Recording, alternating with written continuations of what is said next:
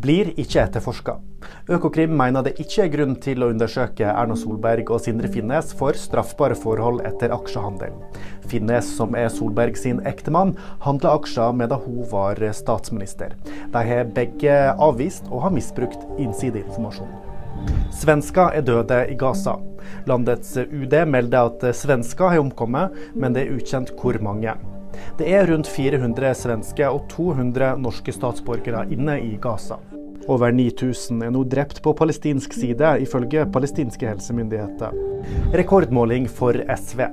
Partiet SV har aldri hatt en høyere oppslutning på en opinionmåling. På deres måling for november får partiet 11% Det er likevel borgerlig flertall på målinga. Arbeiderpartiet får bare 18% Flere nyheter får du alltid på VG.